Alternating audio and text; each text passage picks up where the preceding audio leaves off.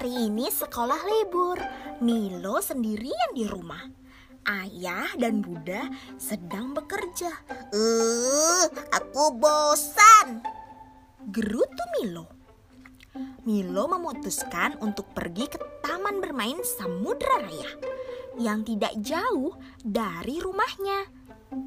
Beberapa adik kelasnya tampak bermain-main di sana.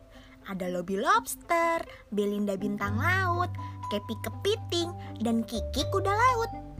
Tiba-tiba timbul niat iseng dalam pikiran Milo. Aha, aku akan menakut-nakuti mereka. Pikirnya jahil. Milo mengumpulkan lumpur hitam dan ganggang laut. Dia melumuri seluruh wajahnya dengan lumpur sehingga menghitam.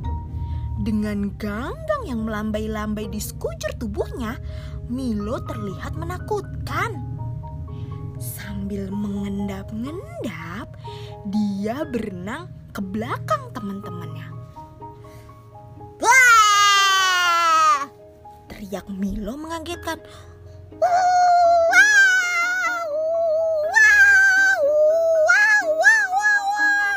Lobby Lobster terlempar tinggi. Akibatnya Belinda Bintang Laut jatuh terjerembab. Kiki Kuda Laut berenang tunggang langgang. Menabrak Kepi si kepiting yang juga ikut-ikutan berlari. Melihat teman-temannya ketakutan, Milo terbahak-bahak. Lucu sekali. Apa yang terjadi selanjutnya ya?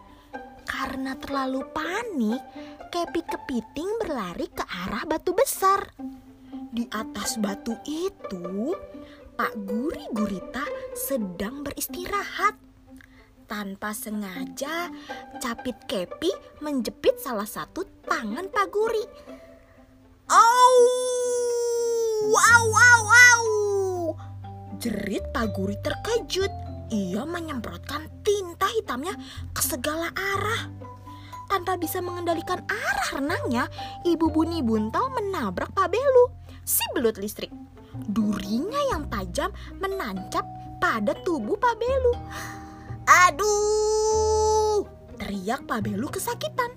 Ia berenang tanpa melihat arah.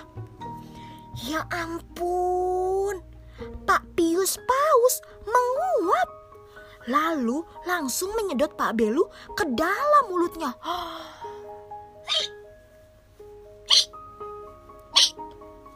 Pak Pius cegukan, matanya melalak terbuka.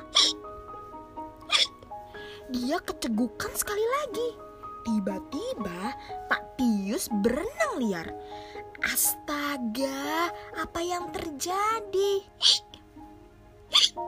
Rupanya Pak Belu yang ada di dalam perut Pak Pius menyetrumnya. Tolong! Pak Pius berenang kacau balau, menyebabkan gelombang air laut menerjang setinggi gedung bertingkat.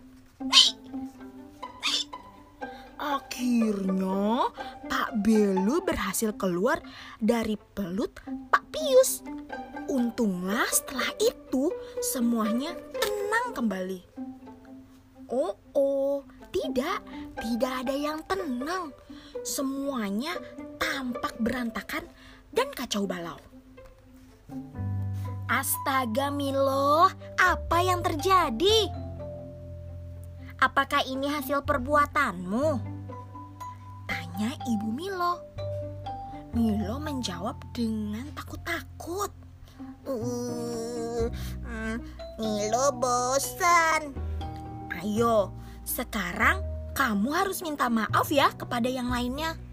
Hmm, maafkan aku ya teman-teman. Sejak hari itu, Milo tidak akan melakukan keisengan lagi jika dia merasa bosan.